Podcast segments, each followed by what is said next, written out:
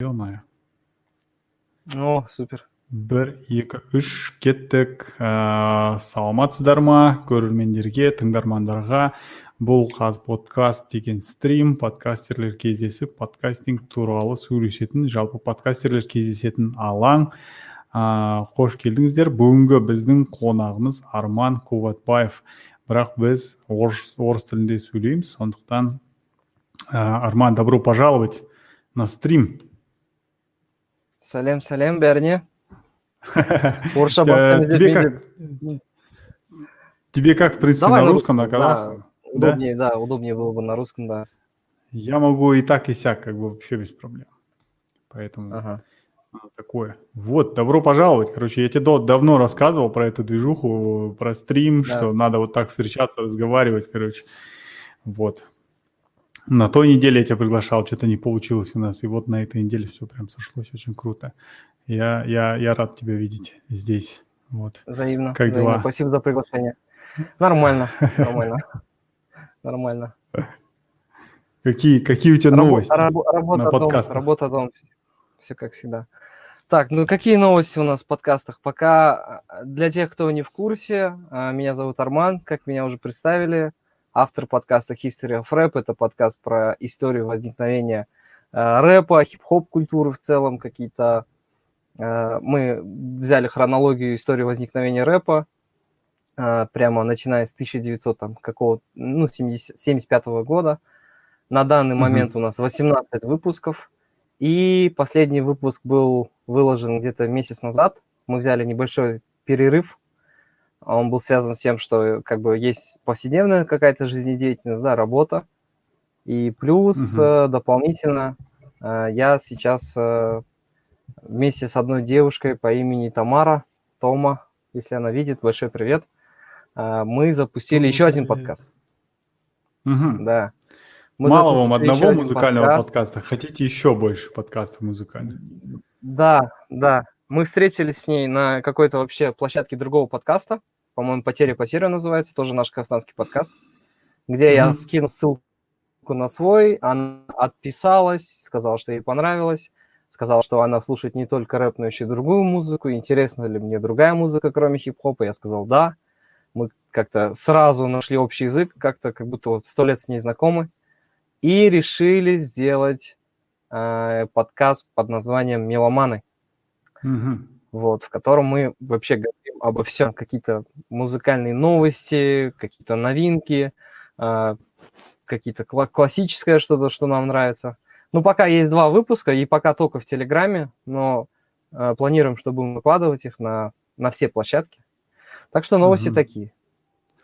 Понятно. Слушай, я постоянно наблюдаю за, за твоими подкастами, эпизодами. Это, конечно, надо быть прям любителем хип-хопа, любителем э, музыки и всей этой движухи, потому что прям по часу, по полтора осиливать это, Да. конечно, для- мне, мне трудно это делать. Вот, за- записывать, записывать. Вы, вам, вы не устаете во время записи? Ты знаешь, во время записи мы не устаем, мы устаем. Я устаю, когда свожу. Вот когда идет сведение, прям я сижу, бывает, что днями, потому что я большой э, педант в этом плане. Я прям все ахи-вздохи, все вот эти слова-паразиты, я это все подчистую убираю. Я делаю абсолютную тишину, то есть у меня здесь льется пот. К- Кто видит, а, я сейчас нахожусь у себя дома в студии. А, Это мое небольшое такое мое место уединения, поэтому здесь очень хорошее тепло э, и звукоизоляция, и без открытого окна здесь очень жарко и летом, и зимой. И поэтому на сведении прям, да, вот я там устаю. Мгм, мгм. Ну, ты, в принципе, можешь взять э, там ноутбук, выйти на кухню, я не знаю, там, куда, э, туда, где нормальная температура. Взять с. Я, я знаешь, я начал что делать в последнее время? Пос- послед- последний выпуск Меломана я сводил на работе. Я сводил на О, работе окей. как-то свободное время просто, да. Я включал наушники. Я уже записал прогу а, на компьютер на работе и как-то свободное время там а, вставлял наушники. И, там, во время обеда, например, у нас обед 2 часа, то есть там на обед А. уходит 20 минут, остальное время ты просто там, да, И я такой, раз, мы можем, почему бы нет? Мы можем говорить, где ты, где ты работаешь, кем ты работаешь, или это нет? Да, без проблем. Нет, да? нет. Расскажи. Я... Это не секрет. Арман, он военный. это... Я... Да. Я военный. А, я военный, военнослужащий Министерства обороны в одной из э, воинских частей в Алмате. Вот, ни для кого не секрет. Это большой сюрприз для всех. Со всеми людьми с этой тусовки подкастеров, когда мы знакомимся где-то, а, первым делом меня спрашивают, а кем ты работаешь? Я всегда говорю, что я подкастер, а, я говорю, что я основатель автоклуба, что я там какой-то меломан, еще что-то. И в самом конце я говорю, ну, вообще-то я военный. Ну, зарабатываю я на, я на военном деле. Да, и кто, типа, как военный, ты серьезно, да, и все такие, вау. Ну, это такое, знаешь, у нас стереотипная такая штука, что военные, полицейские или там еще какие-то люди из структур, да, государственных, они типа далеки от этих всех движух.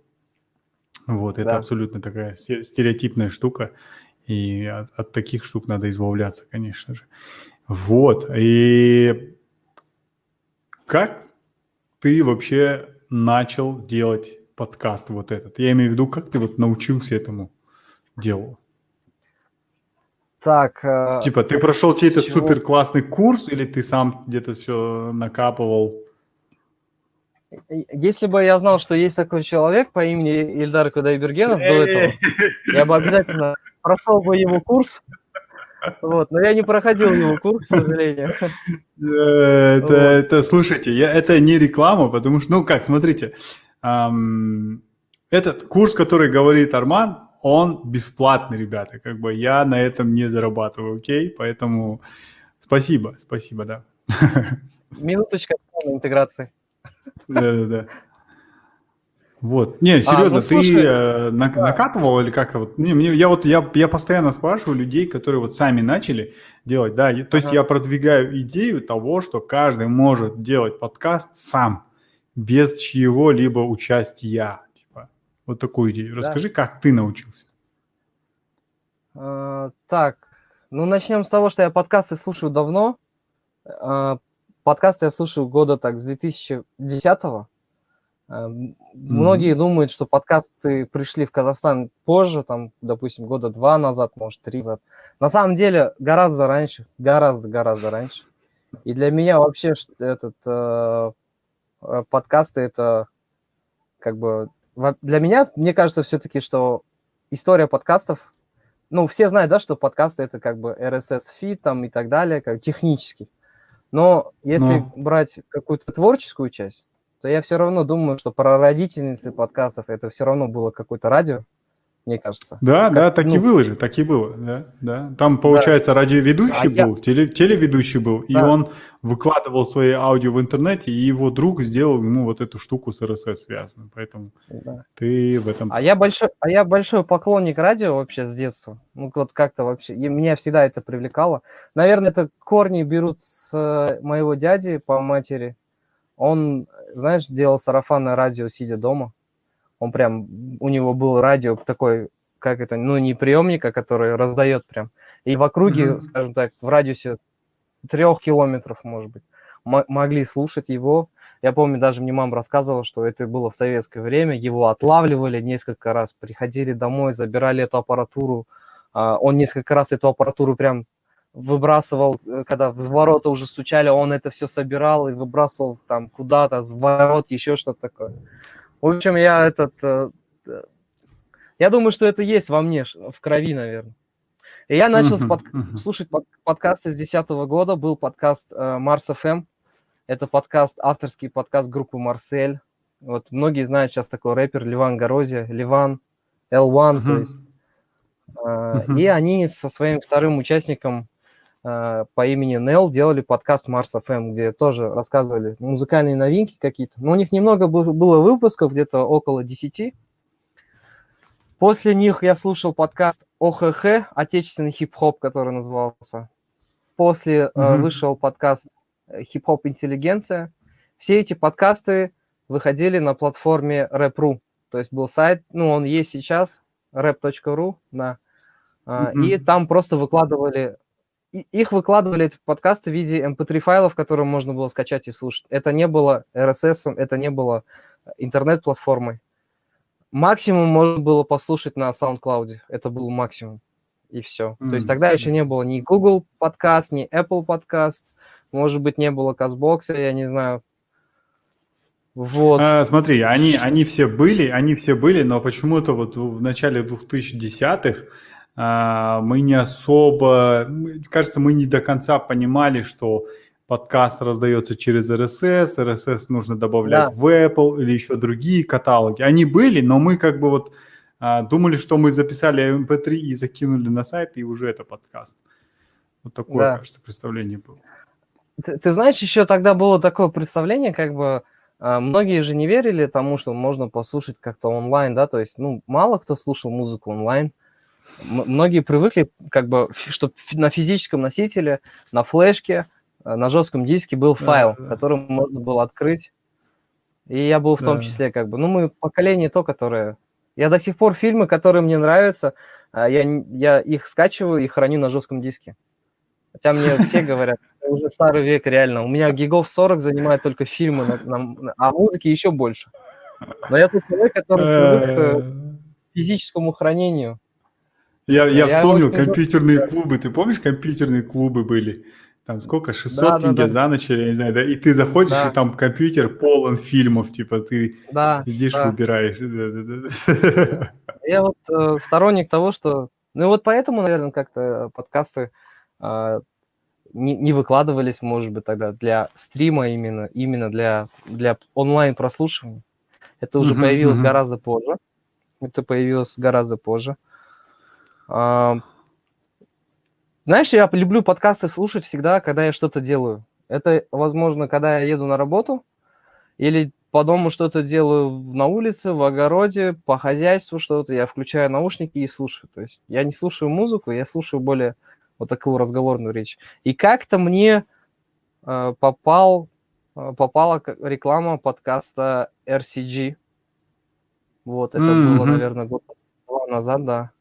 Я такой, вау, у нас делают подкасты. Это круто. Я начал слушать их, темы какие-то такие, знаешь, близкие, темы знакомые, то, как они это подают, то, как они это все заправляют, все это делают. Мне мне лично очень зашло, я начал углубляться в эту тему, понял, что для того, чтобы делать свой подкаст, не нужно какого-то супер-пупер оборудования. А mm-hmm. в это время параллельно я как раз заканчивал свою студию дома, вот эту вот студию, то есть я сделал шумку, я сделал себе стол, и у меня обычный ПК-компьютер, и на день рождения мне в 2018 году супруга подарила, я не знаю, ты знаешь такую машину, а, драм-машина Akai MPC. Akai MPC, на которой Слушай, у меня, ты, студию, ты студию делал, чтобы делать подкаст, или цель была другая? Нет, нет, нет, цель вообще была другая. Цель была делать музыку. Цель была А-а-а. делать музыку, записывать музыку, да. То есть даже стол, который я заказывал у мебельщиков, он предназначен был для того, чтобы я мог сюда поставить микшер, мог поставить сюда звуковую карту специальную, то есть э, какие-то, э, ну, такие звукорежиссерские штучки, скажем так. Но ага. я куп... мне подарили вот этот AKA MPC, я ее, короче, подключил к компу, начал изучать, и что-то во мне вот этот запал, который был во мне, музыкальный запал, он начал постепенно потухать. Я разочаровался в этой MPC, потому что, во-первых, я не смог так и до конца ее понять, ну, крутая а, штука, я вот сейчас смотрю картинку, прям очень красивая, классная штука. Да, да, классная штука. Мне ее передал один чувак с Уральска вообще, то есть а, жена заказала, мы с ним созвонились, он передал. А, на ней играло несколько диджеев там в Уральске, в модных клубах. Ну, короче, по идее, машинка классная. Угу. И она у меня была около года, я на ней все пытался, эти пэды туда забивать, эти сэмплы какие-то, делать какую-то музыку, но в итоге что-то я понял, что в принципе музыку не обязательно делать самому, потому что очень много крутых музыкальных бесплатных библиотек в интернете, где ты в любой момент можешь скачать любой бит и на него зачитать или там спеть что-то. Я такой думаю, нет, наверное, это не моя тема. я ее потом продал. Кстати, продал я ее, знаешь, кому ты можешь, знаешь, знаешь такой блогерши у нас в Казахстане, а, как же ее, Тават. Тават, Тават ее зовут. Она танцует, тиктоки там снимает, у нее там миллионы подписчиков, короче, в интернете. Прикол. Ну, в инсте там. Мгм. Прикол, да. А, Она приехала, и, в общем, я ей продал. Она, кстати, с MD, ну, может, MD, знаешь такого музыканта казахстанского? Да, его я знаю. Вот они вместе там Слышал, пишутся слышал. музыку, да. У него тоже такая же А- АК-MPC, такая же. Ага. Вот, и, и что, я, я продал MPC, и тут как раз выходит этот, э, я знакомлюсь с подкастом RCG, и такой думаю, блин, оказывается, много ума не надо для этого. Обычный микрофон, обычная программа. Окей, хорошо. Ну, ну, правда же, что, много ума не надо, в принципе. И все, купил себе микрофон, купил себе стойку для микрофона, что-то сделал. Слушай, знаешь, я еще до этого, я, я же делал какие-то на диктофон записи себе. Но А, там было такое качество беспонтовое вообще, блин, абсолютно. Есть эти записи где-то, я думаю, когда-нибудь там, когда мой подкаст там а, будут слушать тысячи людей, я как-нибудь Ага. выложу а, нулевой подкаст, я его так всегда называю, нулевой выпуск, где я Ага. типа себя представляю и говорю, зачем я это хочу сделать. Там качество вообще говяное. Я его ехал, когда записывал, я ехал на работу за рулем, включил диктофон, и я его записывал. Вот. Круто. Я, бы сделал первый выпуск да. пробный. Да. Я сделал первый выпуск пробный, отправил его Азамату. Это вот один из авторов RCG. И он такой, вау, блин, это круто. Чувак, но тебе надо сделать то-то, то-то, то-то. Он мне там расписал технические вопросы. Убери шумы, сделай э, этот, там этот, э, убери шумы, э, как бы поработай над качеством, микрофон сделай так, прогу сделай так, увеличь там этот, там здесь уменьши где-то что-то. И я это все сделал, записал заново, заново ему отправил, он такой, блин, вот уже, типа, уже вау, уже круто, типа, давай, давай Мгм. выкладывайся. Вот, я думаю, ну, я к ним попал через Телеграм, открыл канал в Телеге, запустил первый выпуск, э, написал Азамату, Азамат, можно ли в чате э, прорекламировать, он без проблем, он же меня сам и зарепостил.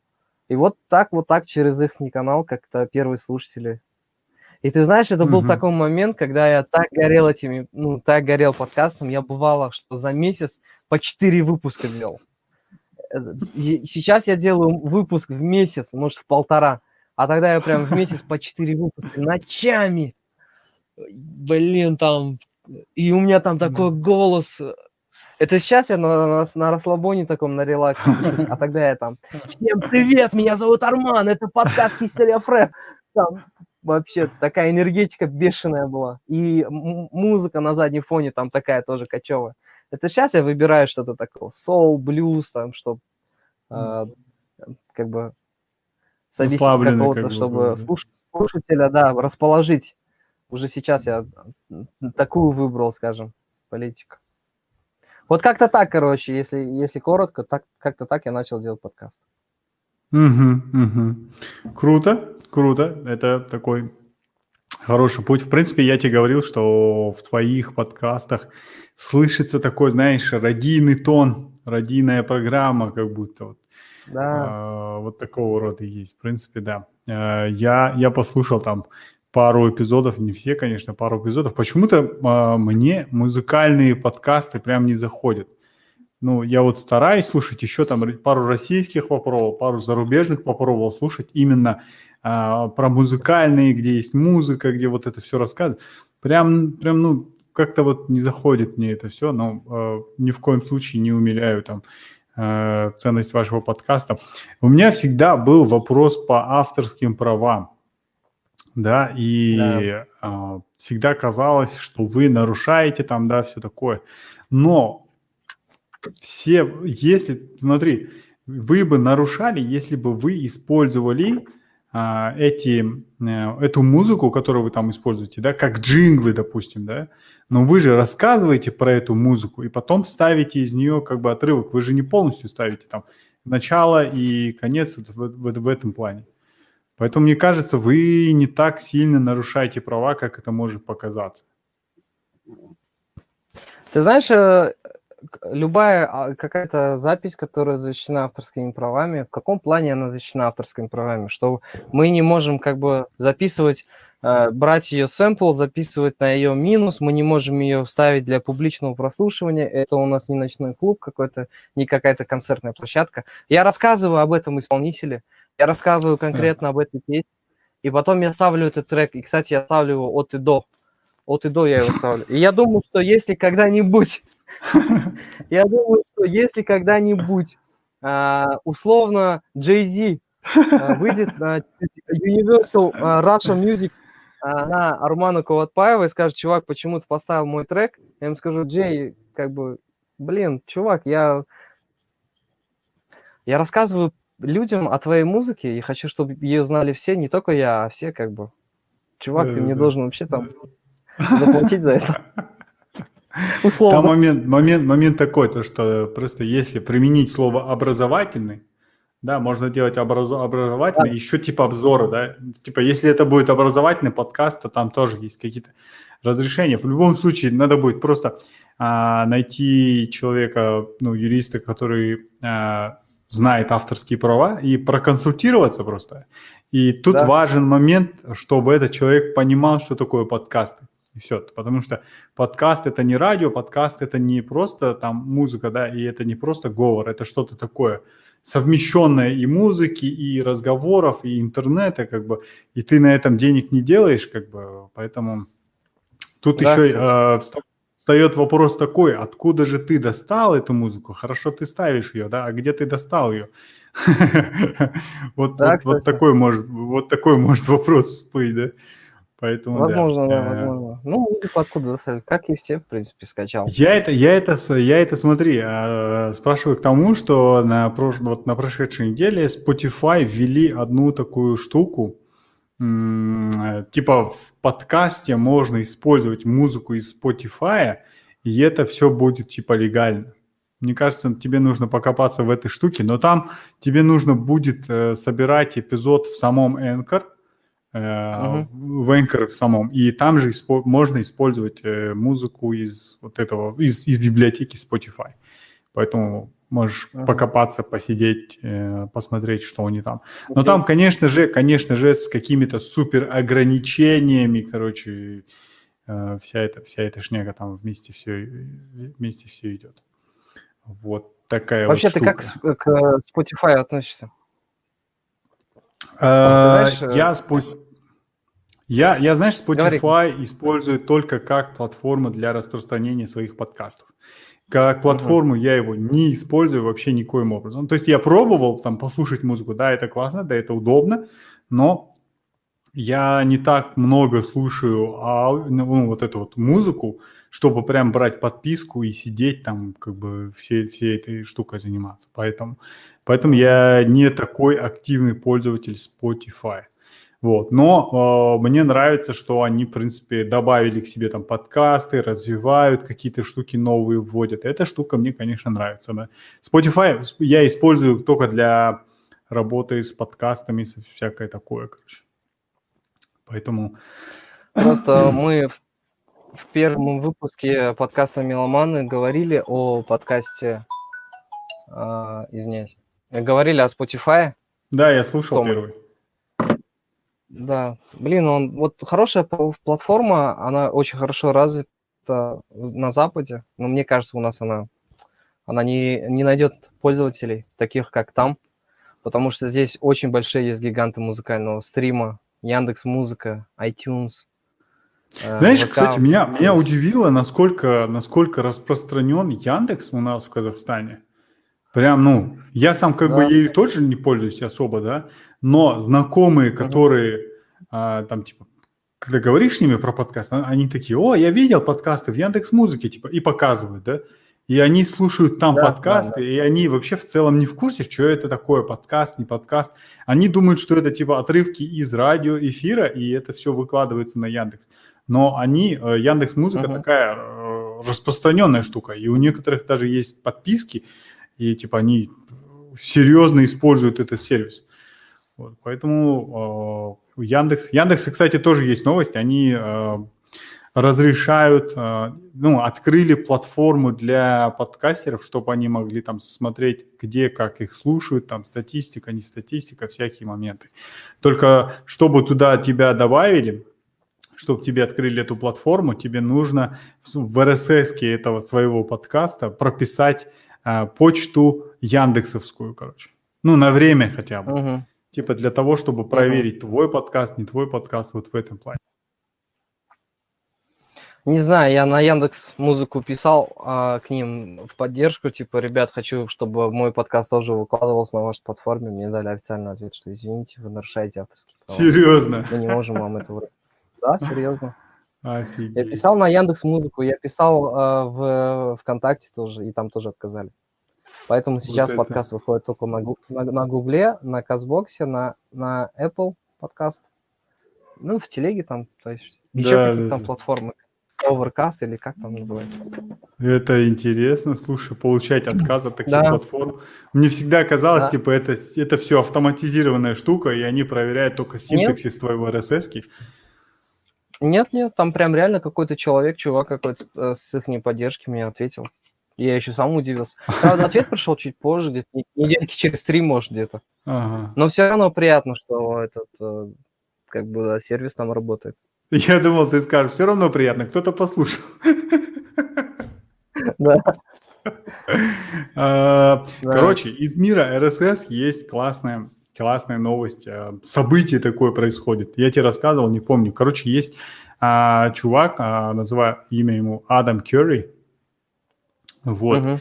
И он, он, короче, стоит у истоков подкастинга из вот 2004 или 2003 годов. Прям он у истоков стоит. Uh-huh. И он спохватился и где-то уже месяц или полтора занимается сервисом, который, у которого адрес podcastindex.org. Вот. И угу. вот что они... Сейчас я запишу podcastindex.org. Да? А, они, они говорят вот такую штуку. Типа у Apple или там у Spotify да, слишком много силы в, в этом подкастинге, да, то есть типа сейчас же так, да, априори, если тебя нет в iTunes, то uh-huh. а, тебя вообще, может быть, и нет в подкастинге, да, потому что все поисковики, все приложения используют базу подкастов из iTunes через открытый вот этот их API, да.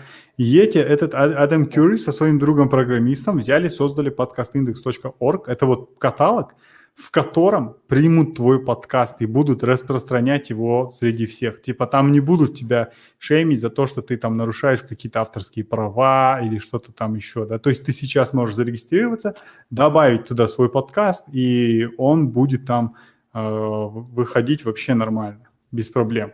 Да? Типа Прикольно. они сейчас... Ау, они сейчас, короче, возвращают, возвращают вот эту свободу подкастингу, потому что вот такие подкасты, как твой, да, они не проходят в iTunes, ну, в Америке, да, получается, они не проходят в iTunes, mm-hmm. они не проходят а, в Spotify, и они считают это ограничением, и считают, что такого ограничения не должно быть. Все должны получить право на то, чтобы выпустить свой подкаст в массы, как бы, да, и как бы вы, выживет самый сильнейший, да, если так говорить. Сильнейший. И они очень сильно поддерживают подкасты некоммерческие. Типа они делали опрос среди там какого-то, какой-то аудитории, да, и получается около 40% людей, которые прошли этот опрос, заявили типа, что я делаю подкаст вообще просто так, вообще не интересуюсь деньгами, я хочу это делать, и я это делаю. Типа, ну, блин, мне кажется, это очень, очень крутая мотивация, когда у тебя мотивация не деньги, не там какая-то популярность, да, ты просто любишь подкастинг и делаешь эту штуку. Поэтому тебе прямой путь вот в этот подкаст index.org, и вообще люди, если вы слушаете, зайдите, посмотрите, послушайте, как бы ребята делают очень крутую штуку. И за один из самых последних крутых нововведений, которые они делают, они хотят добавить вот в эту RSS-ку а, один тег, с помощью которого, mm-hmm. который будет блокировать кражу RSS другими людьми. Сейчас, знаешь, да, есть а. так, пир, пиратство есть, да, берут RSS, допустим, из подкаста Serial, вставляют его в Anchor, да, и крадут весь контент подкаста Serial к себе на новый подкаст, оформляют очень похожим способом, и так как он в поиске постоянно выходит, весь трафик уходит туда, его подключают к, мони- к монетизации, и так делают деньги. Вот, они хотят в RSS добавить тег, типа э, подкаст, что-то там locked, и у этого locked а, если будет no, то, то нельзя импортировать через эту RSS этот подкаст. А если там будет yes, то есть типа в настройке, ты идешь в настройки подкаста, указываешь подкаст импортировать, ты говоришь yes, и RSS открывается для импорта, и ты можешь перемещать свой подкаст куда угодно. А если там поставлено типа нет, да, no, то как бы ты, твой подкаст не переедет туда. Вот такая вот крутая штука. Люди, конечно, делают космическую штуку, и сейчас у них там больше миллиона подкастов. Я сейчас прямо сейчас зайду, посмотрю, сколько у них сейчас э, подкастов добавили. Я сегодня смотрел, больше миллиона было. Вот, они еще там обновили сайт, он сейчас такой более-менее нормальный стал. Вот, смотри, uh, Total Podcast in the Index 1 миллион 318 тысяч 328 уже добавились туда. Круто. Типа, и там есть поиск, Просто можешь вбить в поиск и найдешь прям супер разные крутые подкасты. И он никак, ну, он ранжирован как-то, наверное, да, но он не ранжирован, как в iTunes, типа, они не смотрят на количество звездочек, количество там скачиваний, все. Там какое-то другое ранжирование. Вот, поэтому, типа, а, любой может потягаться с подкаст-гигантами на то, чтобы получить внимание слушателей. Мне кажется, это вообще просто мега крутая идея. Я вообще за них. Да, круто, круто, слушай. Вообще я заметил в последнее время нас сейчас подкастеров очень хорошо поддерживают, дают какие-то э, инструменты для раскрутки, инструменты для обучения. Даже да. то, что ты делаешь а, для казахстанской подкаст-движухи всей нашей. Это очень круто.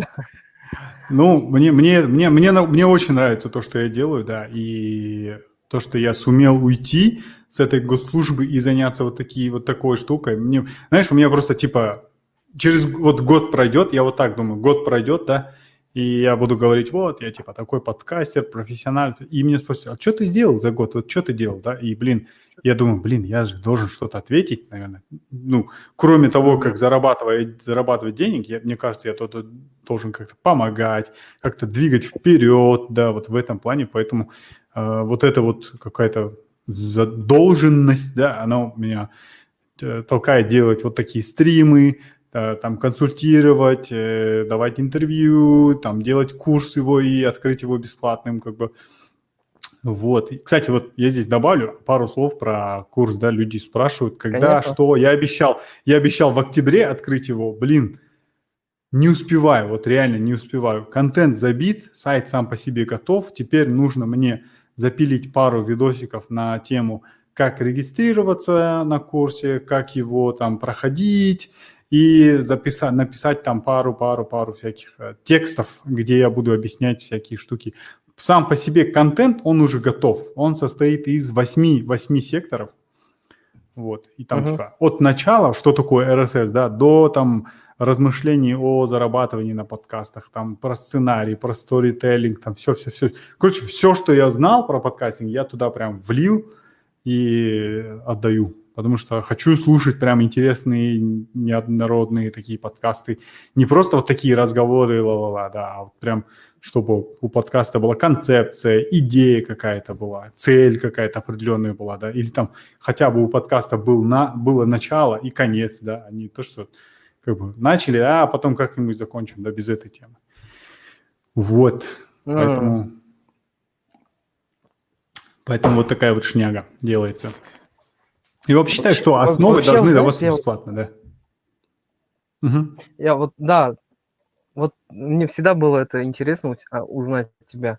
Вот ты, вот ты говоришь, я должен э, как бы рассказать людям, как делать подкасты. А ведь по сути тебя никто об этом а, никто не заставляет тебя этого вот я услышал слово «не просит», да? Смотри, давай я тебе расскажу штуку, да. Я не знаю, рассказывал, может быть, на этом стриме, нет? Тема была такая. В начале 2000-х, да, 2010-х, да, не буду врать, в восьмом, девятом, десятом году в Казахстане очень классно развивался блогинг, прям классический блогинг да. на WordPress, типа там тоже RSS, все дела, да. И на казахском языке он вообще круто развивался. Прям У людей был личный дневник, и они писали туда свое мнение, они обсуждали новости, там, типа, учили друг друга, делились своим опытом.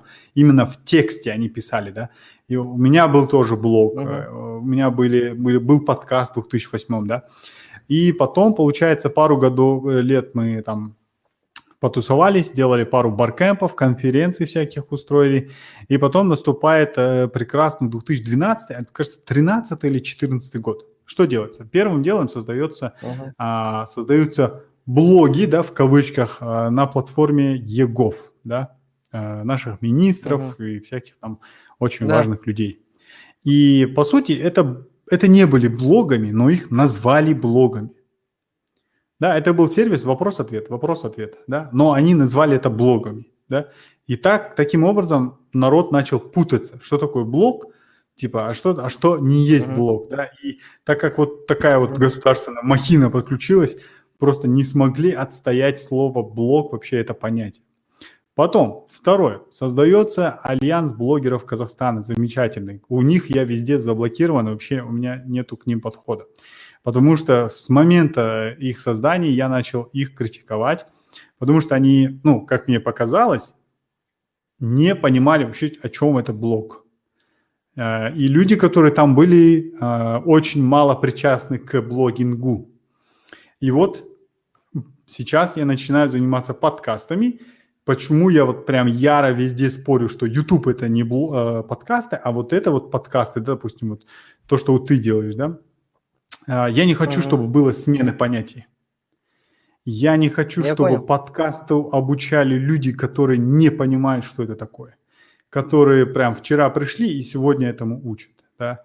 А, все, чем, что я рассказываю, оно подкрепляется ссылками, примерами, со всеми вот этими моментами. Да? То есть я не утверждаю, что я что-то придумал. В этом курсе я делюсь только своим опытом. А, я готов а, как бы общаться, обсуждать любые моменты. Просто я не хочу, чтобы произошло вот это поня... А, подмена понятий, и чтобы эта технология, да, я специально говорю, технология, не жанр, не форм, а именно технология в Казахстане развивалась нормально. И все, как бы, ну, поэтому я эту штуку всю делаю. Да, меня не просят, да, как бы я никому ничего не обязан, но я хочу, чтобы эта штука развивалась правильно у нас. Вот, если оно будет развиваться правильно, мы сможем его очень эффективно применять в своей работе и вообще в деле. Не, ну круто, что этот, вот у тебя есть идея, ты, ты этой идеей живешь, ты ее воплощаешь в жизнь, блин, это вообще круто. Для тех, кто не в курсе, у меня, Эльдар, а, моя личная техническая помощь а, в ведении моего подкаста тоже, потому что очень много вопросов у меня возникало тоже на начальном этапе, да даже сейчас они есть. Потому что я выкладывал подкаст сначала на одной платформе, сейчас мы перешли с Идаром на другую платформу, да. Хостинг, Потом и поэтому... Дальше, дальше, дальше. Не, нормально, да. видишь, в самом начале у всех вопросы бывают. Я вот, допустим, как научился, да, а, я, ну, начать мне помогло просто какой-то, я искал много информации в интернете, и это все было доступно бесплатно, но в основном это все на английском языке. Потом, когда я уже там uh-huh. ушел уже полностью в подкастинг, я начал покупать э, платные курсы у людей и проходил у них.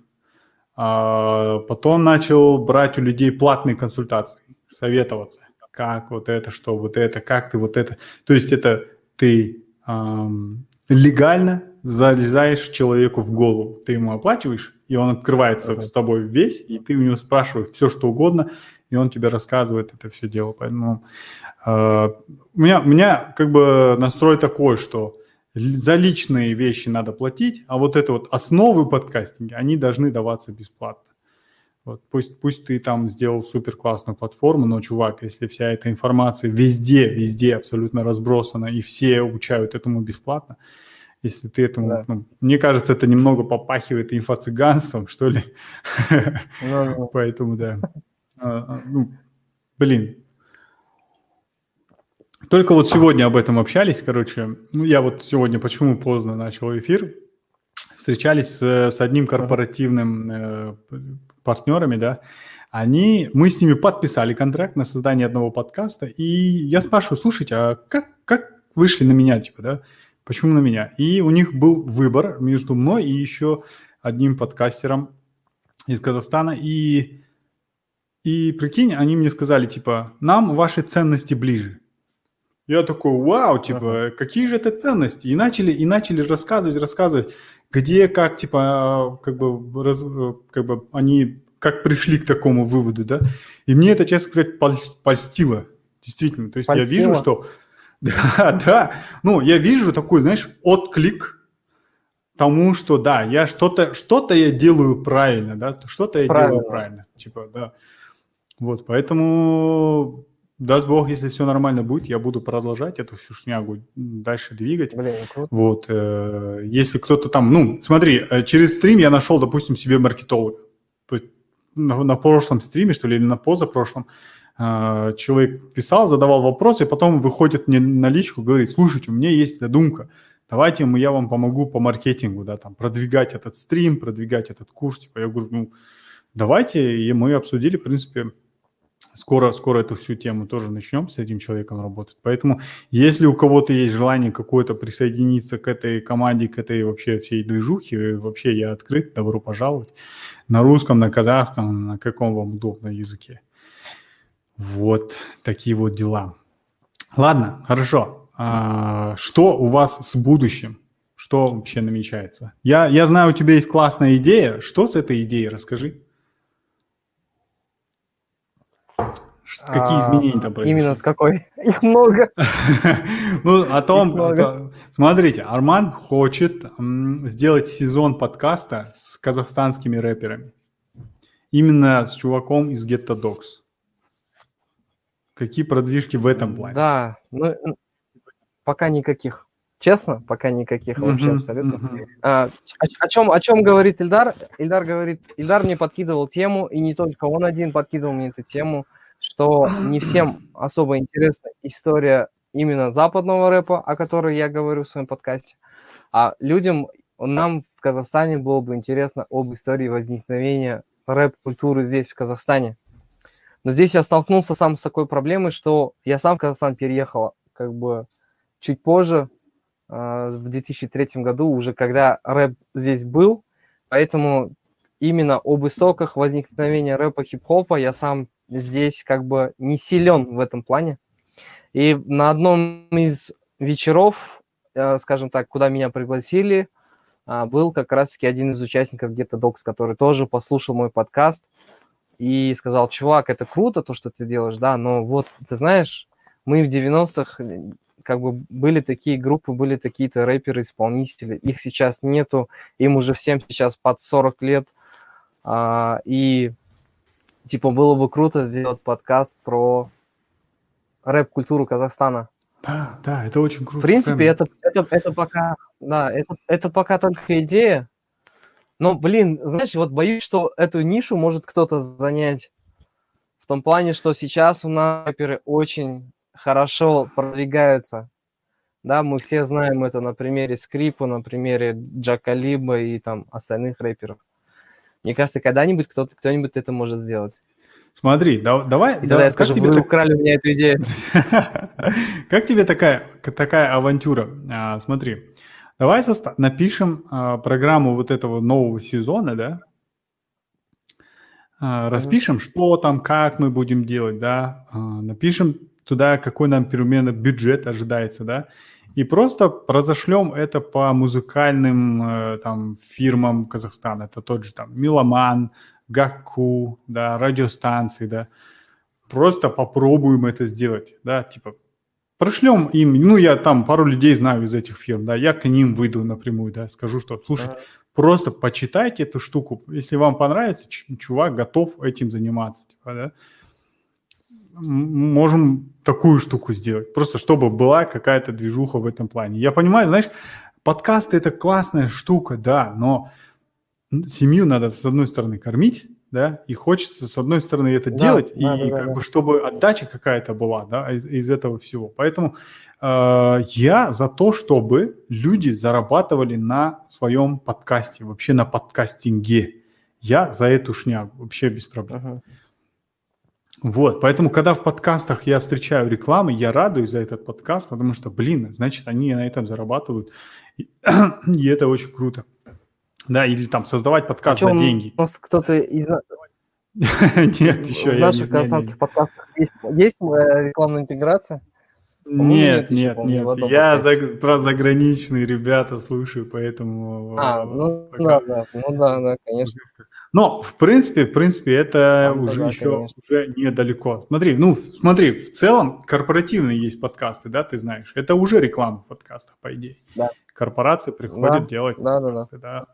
Э, Фирмы пишут, э, типа, мы хотим подкаст, что нам нужно сделать, типа, мы хотим... Но сейчас фирмы на такой стадии, когда они говорят, короче, мы хотим подкаст, но мы хотим, чтобы в этом подкасте были мы. Будем говорить мы о нас, Мгм. и, короче, вот так вот. Там, там нет такой концепции, типа, короче, нам нужен подкаст вот об этом, вот такой-то, такой-то, и как бы вы сами э, наймите там ведущего, продюсера, там всех этих ребят наймите. Они Мгм. хотят а, быть сами в подкасте. Я думаю, это какая-то стадия развития подкастинга, когда все переживут эту штуку, да, когда в корпоративном подкасте будет какой-то ведущий сторонний. Вот пока они сами хотят быть в этом, э, в этой всей шняге, поэтому я их не осуждаю, давайте, да, приходите, сделаем и такой подкаст без проблем. Ну, появится, появится. Я ожидаю, что в 2021 году будет появиться много подкастов и корпоративных, и через среди СМИ, всякого рода. И мы на айфоне будем такими старожилами а, подкастерской индустрии Казахстана. Да, да, да. Я, может, да. нет, но ты точно будешь старожилом. Не, я, я, я буду, я, я буду, знаешь, типа, я буду типа, типа говорить, что, как мне нравится, не нравится. Ну, блин, это такая старперская штука. Мне, меня интересует момент такой, что в подкастинг начали приходить люди, которые, а, ну, не особо... Им нравится тренд, им вот нравится тренд, слово подкаст им кажется таким модным. Да, Но в целом такое ощущение, что они не болеют этим делом, что через пару эпизодов... короче, пр- пришли чисто похайповать, да? Да, да, да, что-то такое есть, в принципе. Ну окей, хорошо, я, я, я не против, давай пусть попробуют. Вдруг им понравится, вдруг они тут И- и- останутся, да? Да. Ильдар, у меня вот возник вопрос. Есть подкасты, те- темы которых вот ты вообще ненавидишь? Есть у тебя такие подкасты? Просто у меня есть такая тема. Сейчас, сейчас, сейчас, сейчас, сейчас. А, Я ненавижу, знаешь, такие пустые подкасты.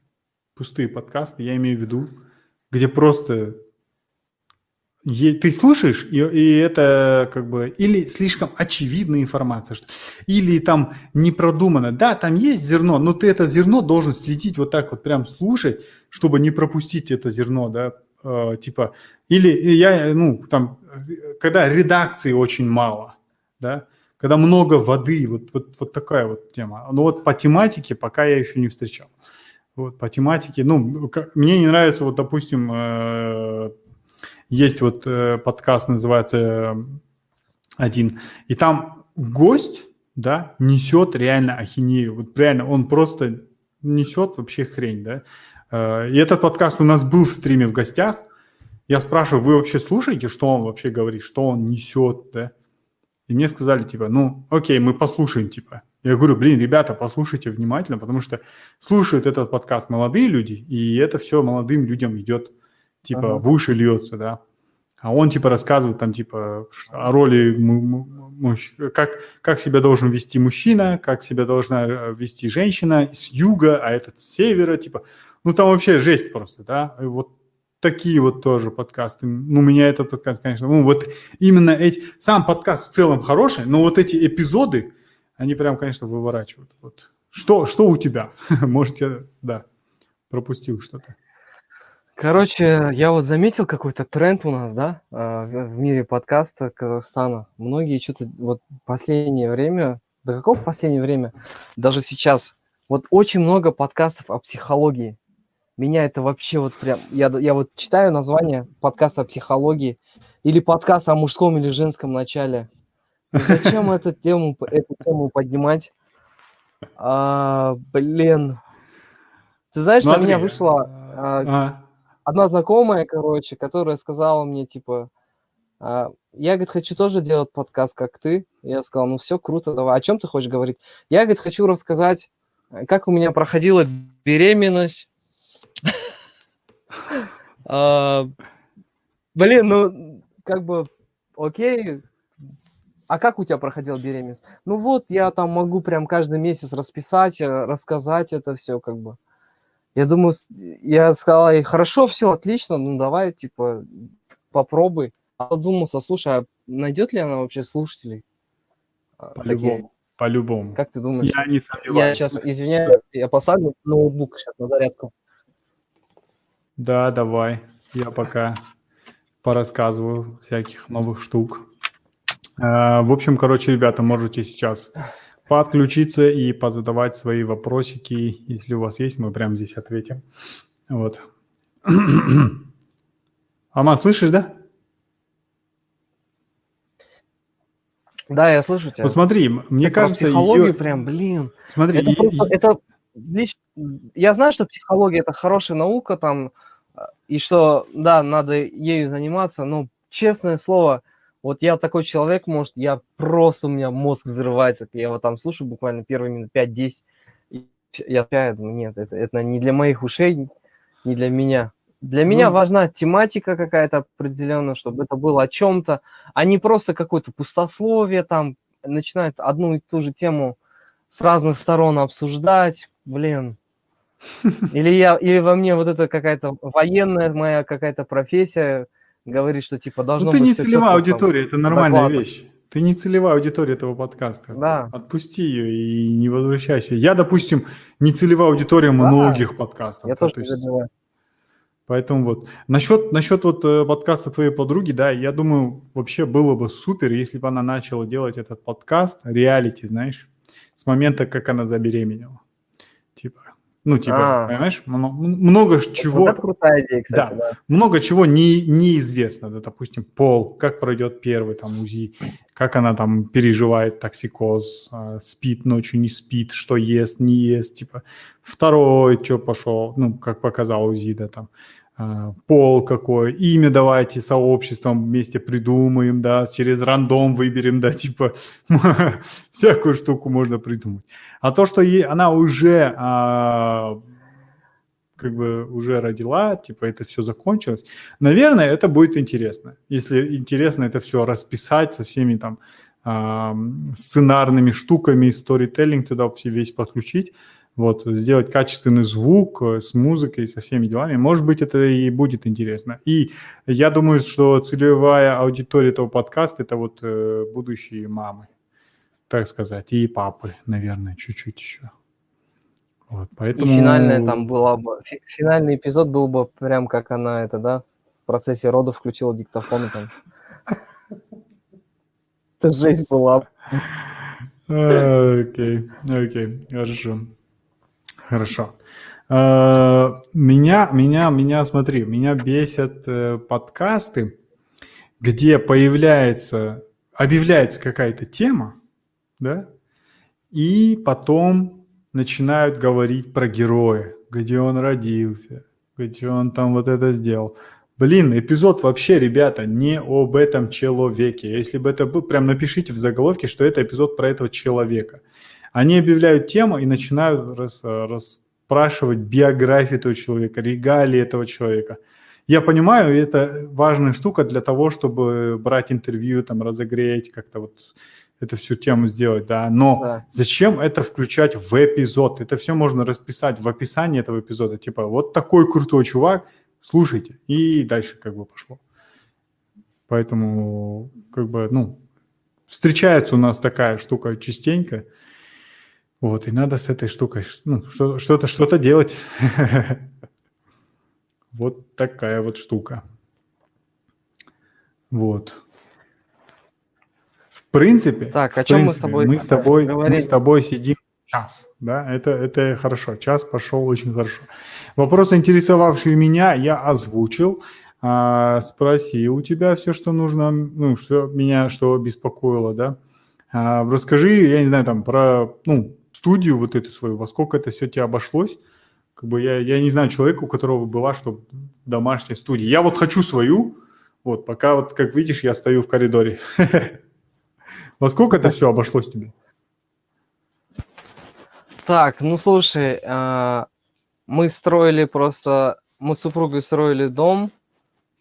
На втором этаже, скажем так, была не, небольшая площадь, которая была не занята. По сути, мы здесь хотели сделать что-то вроде э, холла какого-то, может быть, где можно посидеть, отдохнуть как-то.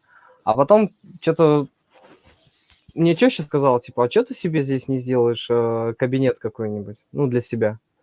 Потому что, ну, как бы есть две детские, есть спальня, есть там зал и так далее, но вот именно где я могу сидеть сам, а, закрывшись ото всех, и у меня вот, я думаю, блин, да, было бы круто.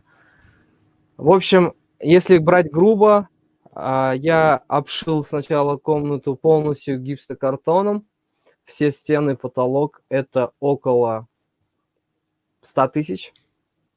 Угу. А, плюс э, акустический поролон мне встал около 120 тысяч. А, стол специально я брал на заказ, прям приезжали мебельщики под замер. Это около 70, по-моему, тысяч или 80 тысяч. А, и что еще? Ну, остальное все такое, как бы кресло, микрофон. Угу. принципе, Короче, около, примерно, около примерно того. 400 тысяч, да? Да, наверное, где-то около того. Но это все было не сразу, это все как-то по прошествии. Да, я понял, я, понял, я понимаю. времени да. было, делалось. Угу. Я, знаешь, хочу себе Но домой все, тоже. Кто заходят, угу. да. Да, да, да. Все, кто заходит, прям вау, вау у всех просто. Круто. Ну, я, я, я, я вот, если окажусь да, в Алмате, да. я прям обязательно схожу, посмотрю твою, твою, твою Да, студию. конечно. Приезжай, да, это, будет, это будет очень интересно. Я тоже хочу себе домой такую же штуку, но у меня пока однокомнатная квартира. Вот. Но у меня уже есть в голове схема, как это все выглядит. Я хочу там типа, чтобы три микрофона, паук такой на три микрофона, чтобы там микшер стоял, mm-hmm. и там, чтобы компьютер стоял, и чтобы э, колонки такие большие, да, чтобы можно было работать без наушников, там с интернетом хорошим, mm-hmm. со всеми делами, звукоизоляция, и чтобы кондиционер был бесшумный, и чтобы холодильник был с водой вот. и с пищей. Э, в общем, короче, запросов куча, запросов куча, конечно, хочется очень много всего. Вот, в принципе, смотри. здесь, знаешь, а, ага, говори. Да, говори, говори. Я просто подумал о том, что, блин, у тебя есть своя домашняя студия, ты можешь очень много что делать у себя, знаешь, очень много что. Типа, даже если просто взять, озвучивать книги, аудиокниги создавать и на заказ, типа, да. понимаешь? Такой штукой тоже можно uh-huh. заниматься. А со- создание рекламы, аудиорекламы всякой, да, там создание всяких э, озвучка роликов э, на платной основе. Когда у тебя есть студия, можно много чего делать. Аренда студии, да, допустим, вот алматинские подкастеры могут к тебе приходить записываться или это сложно? По сути, в принципе, могут, но единственное, не будет ли их смущать, что это частный дом, как бы, что это, это все в доме, не, не какое-то административное здание. В принципе, я не против, без проблем. Но единственный мой минус сейчас, что у меня только один микрофон, у меня нету микшера, но в планах его приобрести, потому что, например, мой второй соведущий по подкасту History of Rap, у нас, например, с ним возникают такие трудности, когда мы пишемся вместе. То есть мы вот этот вот микрофон, кто его там, может, сейчас увидит, нет, вот мы его mm-hmm. просто передвигаем друг к другу. То есть, когда я говорю я, я говорю, потом, когда он говорит, я его двигаю к нему, и это создает какой-то, потому что он болтается. А, вот. И поэтому, да, микшер нам нужен. Нужен второй микро. А, нужны наушники еще одни. Ну, ладно, наушники, в принципе, не проблема. Ну да. В студию надо вкладываться, конечно же, еще, да, надо вкладываться. Ну, он, Если оно, оно... бы здесь два микрофона. Оно, оно же даст свои, ну, отдача, отдача будет по-любому от нее, правильно? Поэтому да, конечно. это нормальное вложение, мне кажется. Да. Вот, поэтому да, это, да, это крутая, крутая штука. Студия мне, домашняя. Мне, да. мне мой э, соведущий говорит, что вот здесь не хватает просто маленького небольшого диванчика такого кожаного и, возможно, mm-hmm. какого-то журнального столика. И, в принципе, было бы круто. То есть на журнальный столик можно поставить стойку для, для второго микрофона Главное, чтобы хватило шнуров э, к микшеру. И Слушай, все, зачем? Смотри, э, у второго твоего соведущего есть ноутбук? Э, да. Я, я к тому, что вам, в принципе, если есть два ноутбука, вам, получается, нужен только микрофон, более-менее такой нормальный, да? Э, и вы можете записывать свои дорожки в разных на разных ноутбуках, и микшер, в принципе, не нужен. В принципе, мы же, то, мы же то же самое де- делаем сейчас с Томой в подкасте Миломан. Она-то в Астане живет. Мы с ней mm-hmm. не виделись никогда, и она, она записывается дома, по-моему, она даже на телефон простой записывается. Uh-huh, она записывается uh-huh. дома, потом мне присылает дорожки, я это все свожу, и все, в принципе. Uh-huh, uh-huh. Ну, у меня, смотри, у осознанного отца, допустим, такая же штука. Я записываю свой голос на вот этот микрофон, а гости все мои пишутся в, на, на, на, на свой телефон. И, ну, там uh-huh. еще есть Zencaster посередине, да, но обычно у телефона звук намного лучше, я его беру, чуть-чуть обрабатываю, и звук получается вполне приличный. Поэтому э, как бы нормальная штука. Главное, видишь, у вас там, главное, есть звукоизоляция, и, есть не, и нет вот этого эха, как у меня сейчас на этом месте. Это вот самое да. важное. Вот, и угу. э, Кстати, если эхо запи... это прям... Я, я, кстати, это научился... важная штука, я не про твое эхо говорю, я в целом говорю. Да, да, да. Я, я научился удалять эхо с некоторых а, там штук, да, с периодической а, успе... ну, а, успехами, да.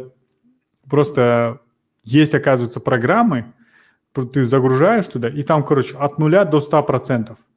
И где-то на, на 45-м проценте или на 50-м проценте, да, уже звук, в принципе, нормальный становится. Вот это ужасное эхо, оно спадает немного. Оказывается, есть такие программы, поэтому...